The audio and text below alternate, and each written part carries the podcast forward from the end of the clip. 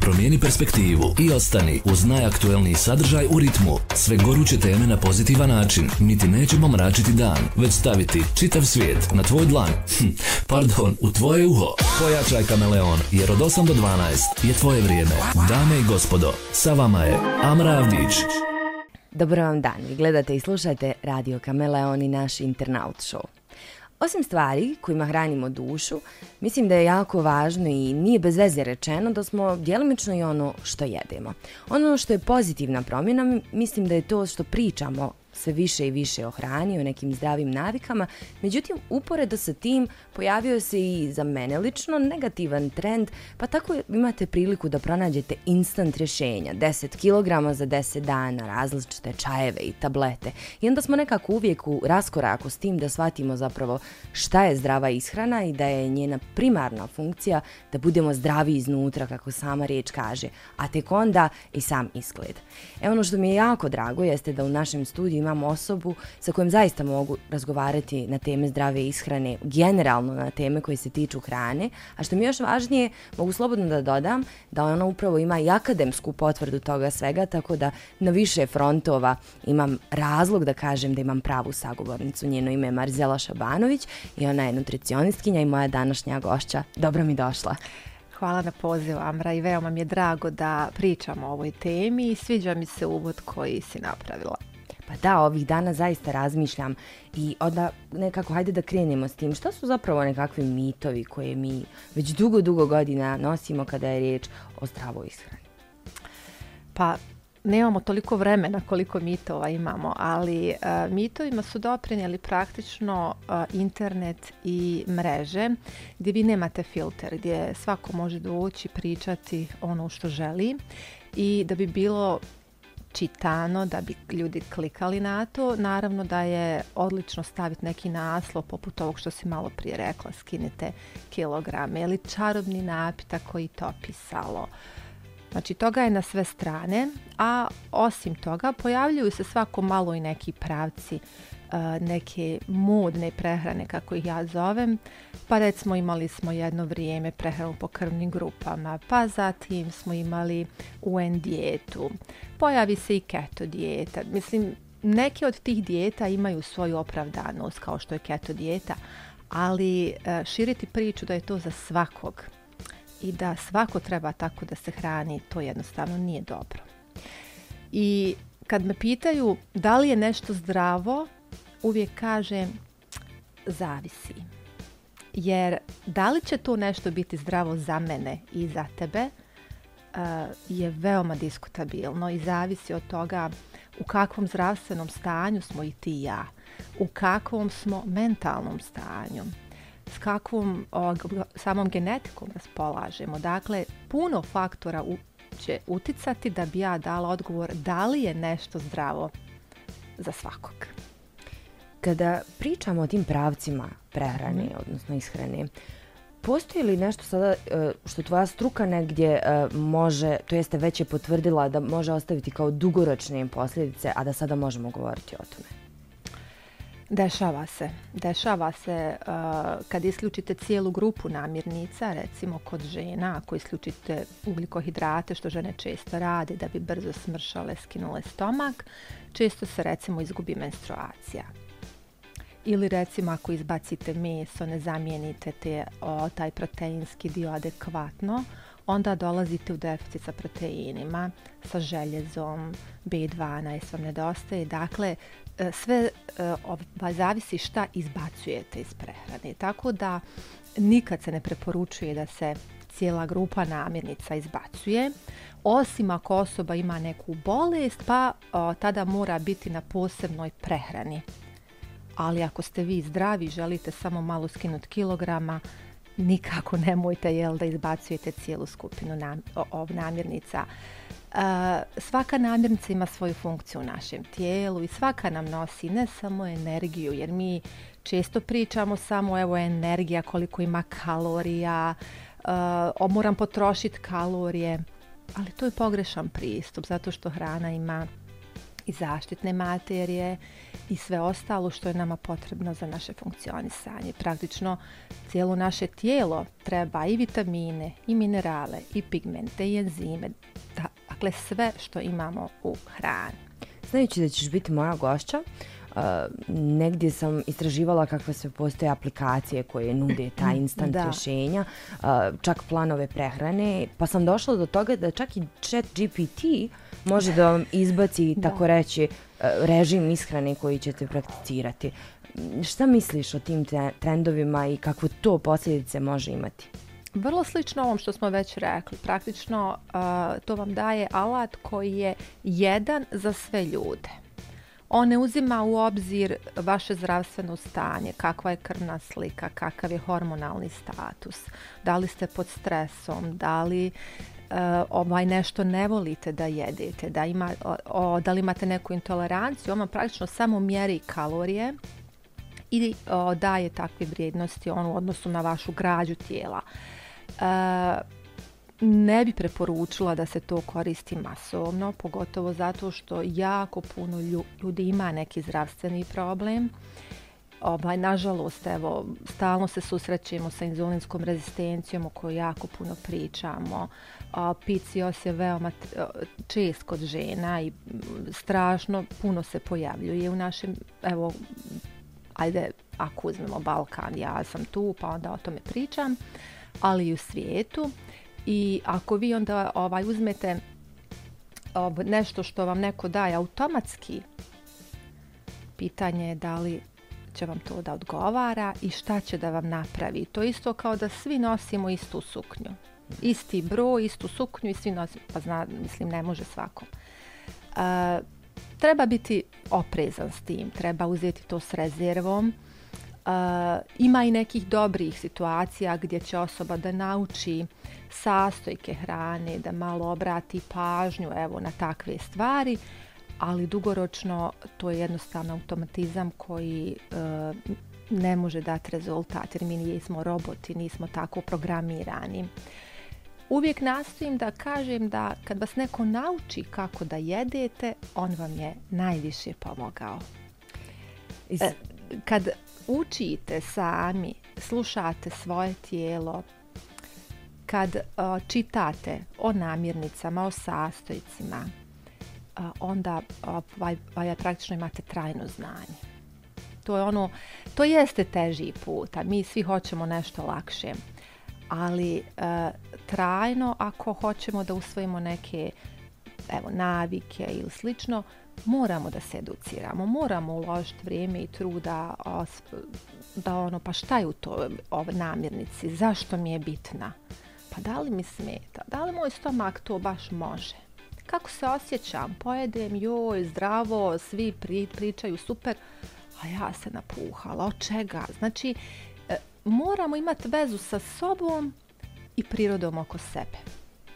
Sjajno mi je to što kažeš. Nisam se tek jednom našla u takvoj nekakvoj situaciji i, zaista sad to potpuno po mom nekom mišljenju ima smisla neću postaviti pitanje šta misliš o trenerima koji daju nutricionističke savjete. Mislim da sve to može nekako da se spoji pod može ovo. Se ali koliko je važna nekakva kombinacija i čemu bi dala, mislim ne želim zvučati sugestivno jer mislim da je mhm. moje mišljenje poprilično jasno ako već danas jediš mm ovdje preko puta mene, ali u tom nekom evo procesu mošanja. E, potrebna je sinergija. Dakle, i jednih i drugih ja ne znam ništa o vježbanju i ne radim planove vježbanja, a, ali znam osobe koje uče o hrani, imali smo čak i takve studente na fakultetu koji su završili DIF i poslije su došli kod nas i sjajni su. Dakle, zavisi koliko uložite u sebe, ali misliti da ako ste o, ne znam, pročitali dvije knjige ili ovaj, slušali podcaste da znate, to je onda malo smiješno. Ali ako imate sinergiju i jednog i drugog, mislim da je to onda stvarno prava stvar i da trebamo rad zajedno, dakle, ovaj, svaku svoj posao. naravno, to je jako teško. O, moja struka nije zaštićena zakonom, nemamo komoru, i praktično možete završiti kurs na internetu i zvati se jel, nutricionistom. To je onako malo smiješno, ali tako je svuda u svijetu, nije samo u Bosni. Ali ono što je bitno jeste da kad tražite struku, pitate šta ste vi završili? Kako ste vi to završili? To je sasvim ono normalno i opravdano. Ja bi to isto uradila. Eh, jedino je takav način da ovaj, pravite filter. Evo, jel, evo nemamo, kažem, komoru i nemamo ovaj zaštitu zakonsku da se zna ko se kako zove. Ako... Bilo bi odlično da imamo. Apsolutno, slažem se Ukoliko krenemo iz neke najpozitivnije pozicije Dobro. i pričamo o tome da su svi dobronamjerni i da razumiju dakle, mm svoju struku i da ne ulaze u neku drugu za koju nemaju potrebno znanje, nego u, nekoj idealnoj situaciji, mhm. e, da li smatraš da smo se pomirili iz nekakve mrtve tačke i da ipak sad imamo taj jedan val pozitivni, pozitivan trend da razumijemo imamo. malo bolje. Imamo i e, to me jako, jako raduje i ja gledam tako. Ovaj, e, često osobe krenu, razočaraju se i sve to stoji, ali nemojmo odustajati. Znači imamo mi odlični stručnjaka i za prehranu, i za sport, odličnih liječnika jer u timu vrlo često mora biti liječnik ja e, kažem da, da je liječnik na prvom mjestu ako imate nekakav problem, pa tek svi mi. Dakle, nemojmo se ovaj, igrati liječnika, to je jako ružno. Ovaj, trebamo, ako imamo zdravstveni problem, prvo otići liječniku, pa onda e, da vidimo što da, dalje, kako vježbati, kako spavati, ovaj, kako se hraniti. Da, dakle, ovaj, taj nekakav slijed je jako, jako bitan i ne treba imati visok ego ja znam reći kad neko nije za mene, mislim da ste za psihologa, niste za mene ili mislim da vam ne treba, znate puno, hajde samo sad to da primijenite, krenite vježbati. Dakle, ovaj, treba spustiti ego i reći, to je sasvim korektno.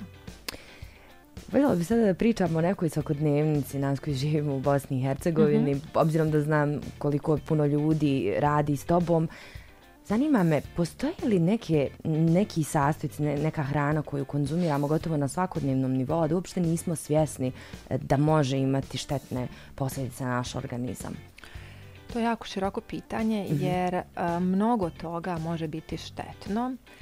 Praktično kupite nešto što je li, prirodno, zdravije, organsko, a onda ga recimo ispržite i praktično promijenite mu sastav i dobivate vrlo štetne komponente unutra.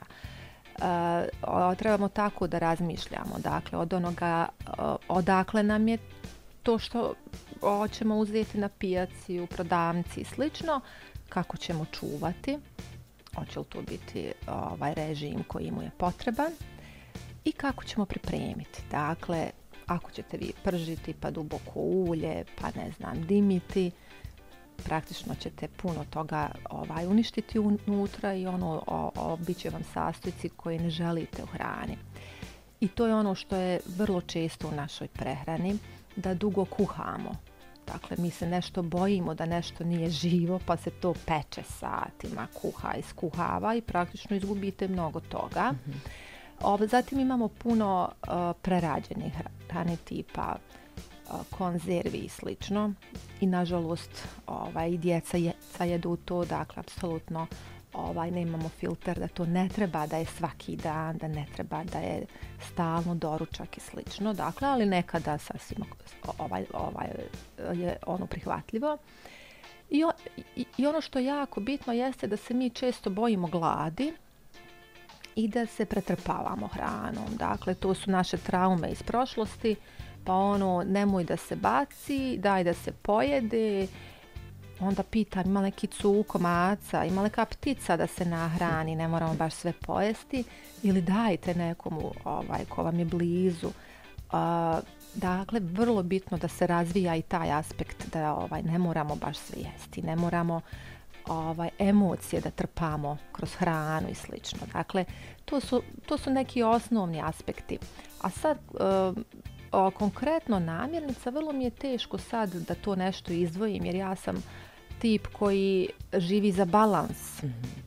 Ono, možete pojesti nekad čips, ali nemojte da je to svaki dan. Ili ako ste uzeli šaku čipsa pa dajte uz to neku mrkvicu.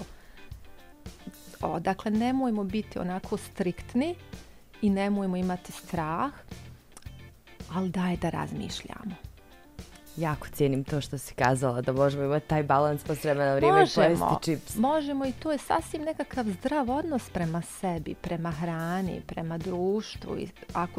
kako ćeš izaći napolje ako se bojiš šta mi je to, hoću li picu, pa kako ću ja tu picu. Joj, sad trebam trčat na zbog pice.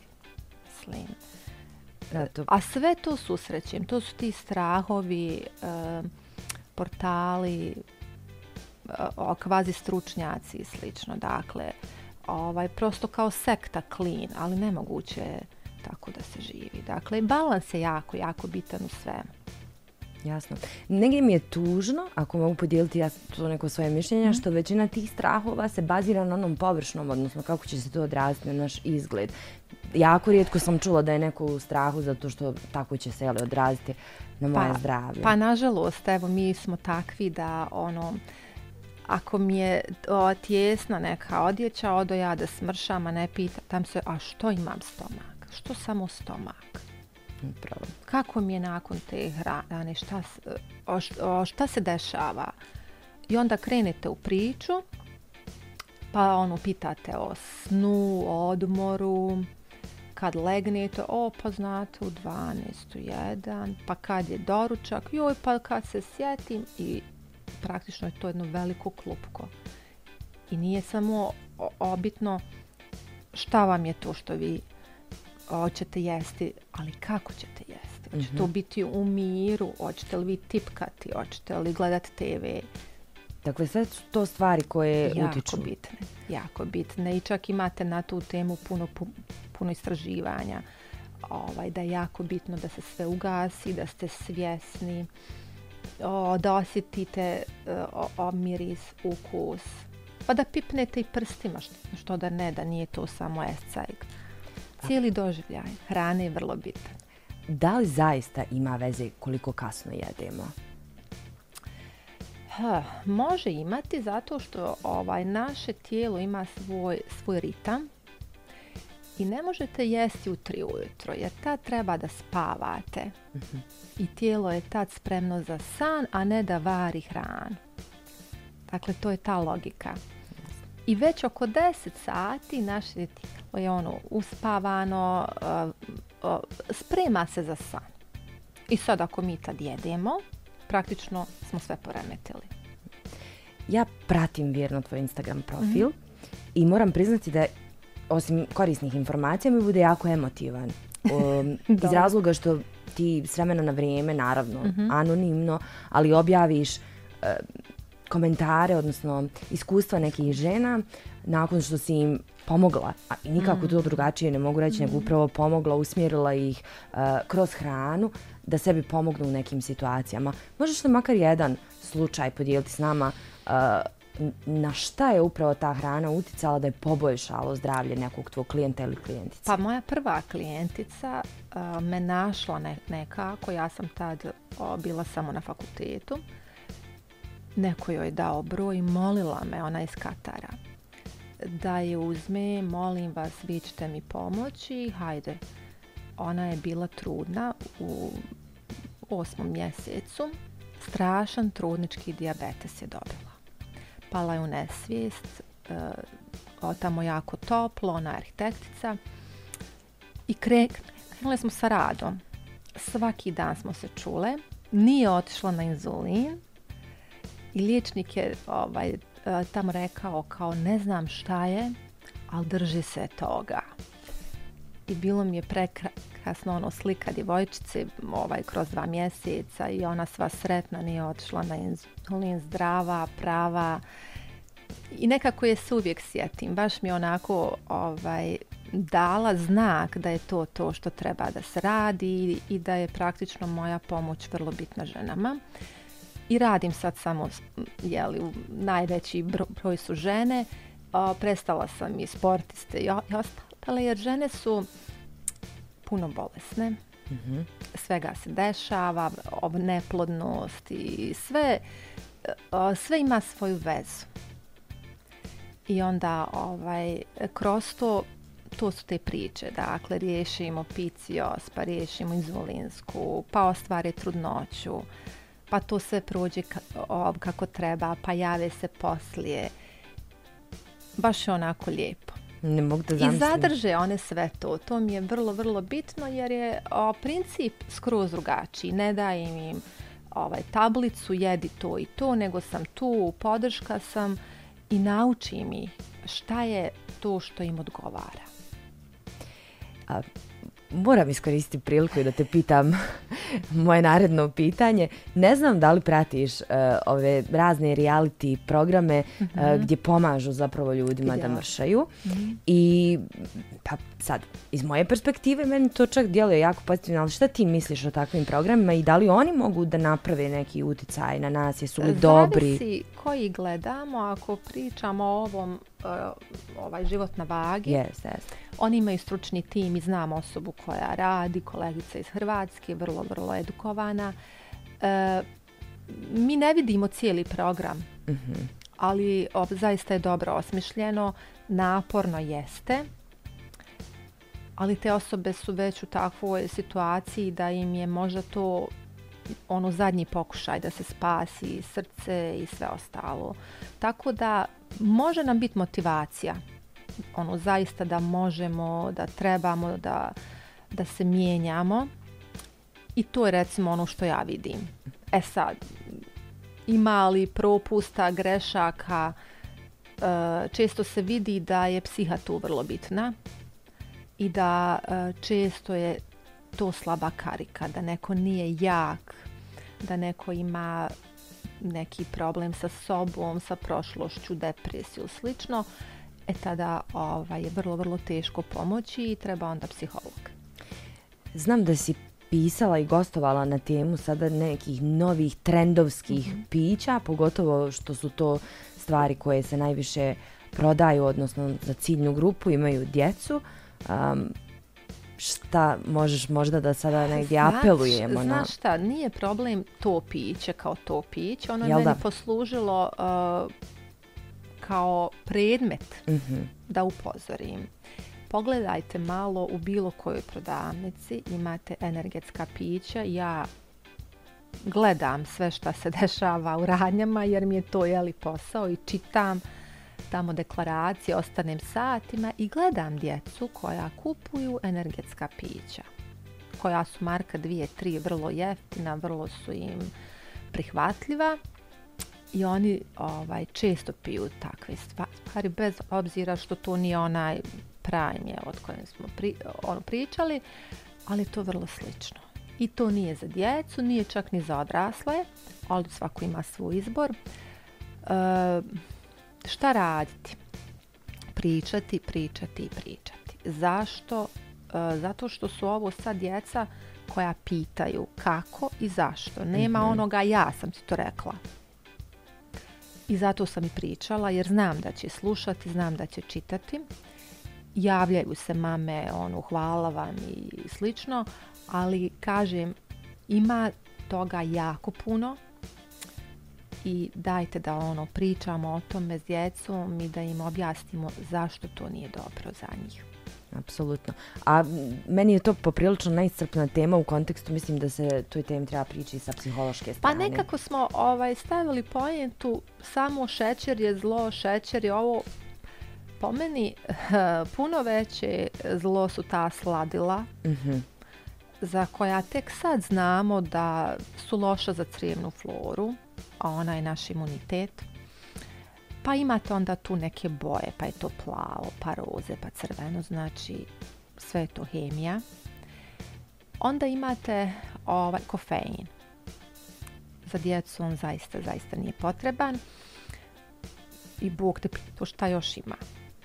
Dakle, ovaj, šećer je tu nebitan i nema ga. Nema ga. Ali ako ćete uzeti uh, sve to, pa šećer ispadne mala maca. Znači šećer ispadne totalno ono nebitana hajka je, nula šećera, nula šećera. A šta je umjesto tog šećera? Šta nam je to unutra? Ja. Često uopšte ne mislimo o tome. Ovaj, to je opet marketing. Ono, ovaj, isto kao ovaj za masti negdje 70-ih, nemojte masti, masti su loše, nemojte izbacite, a onda nam ubace šećer zato da obude ukusno, slatko, svuda. I dobijemo pretilost, abnormalnu prepretilost i onda idu studije i studije. Ispadne da masti nisu tako loše. E sad, kad nas slušaju pa reći pa joj vi sad to je ovako. Zašto? Pa ne možete uzeti ljude i staviti ih u sobu i hraniti ih samo šećeru. Nije humano. Nego pratite kroz vrijeme šta se dešava.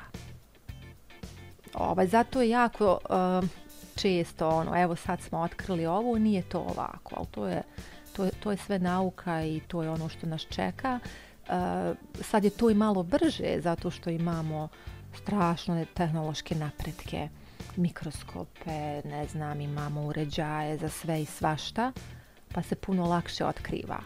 A 70-ih nismo imali ni kompjutere.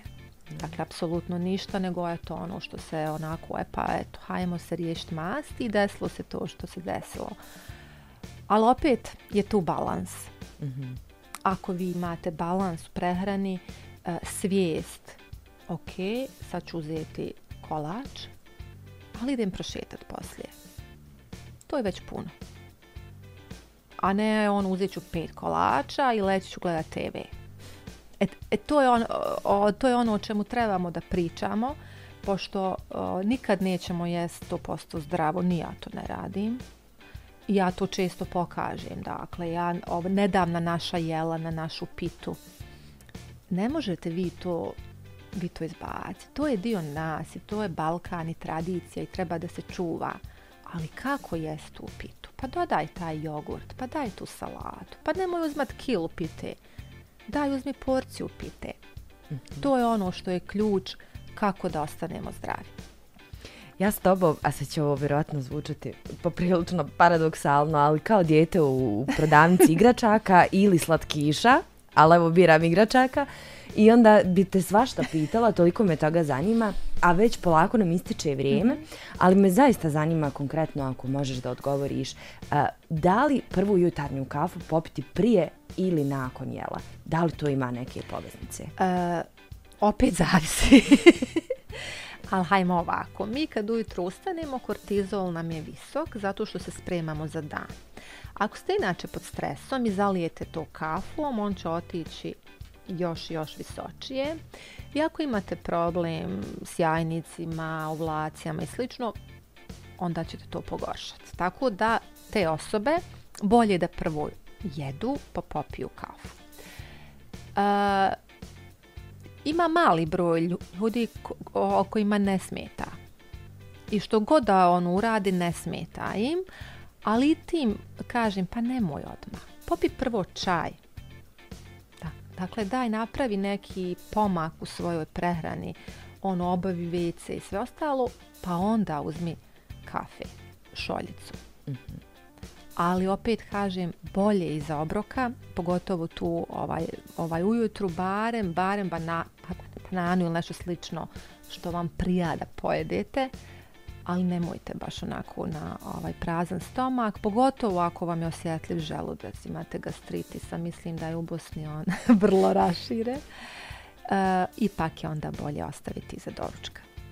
I za kraj, jedan od tih mitova, po mom mišljenju, da je zdrava ishrana skupa, ali evo, kako da napravimo to pa, da nije skupa novčanika. Mislim da sam ja tu puno postigla ovaj, osvještavanje ljudi da možemo jesti našu domaću hranu, lokalnu hranu, ono što raste kod nas, sve jeftinije da možemo kuhati, jer praktično ako kuhate u kući, e, pazite i kako ćete, i koje ulje unutra, koja masnoća, koji začin i štedite, jer možete da napravite za više osoba ili za sutra tako da praktično ovaj, ne mora biti skupo, ali traži posvećenost, traži vrijeme, traži ulaganja o, o, praktičnu edukaciju, da odete na pijacu, da nabavite i, sve ostalo.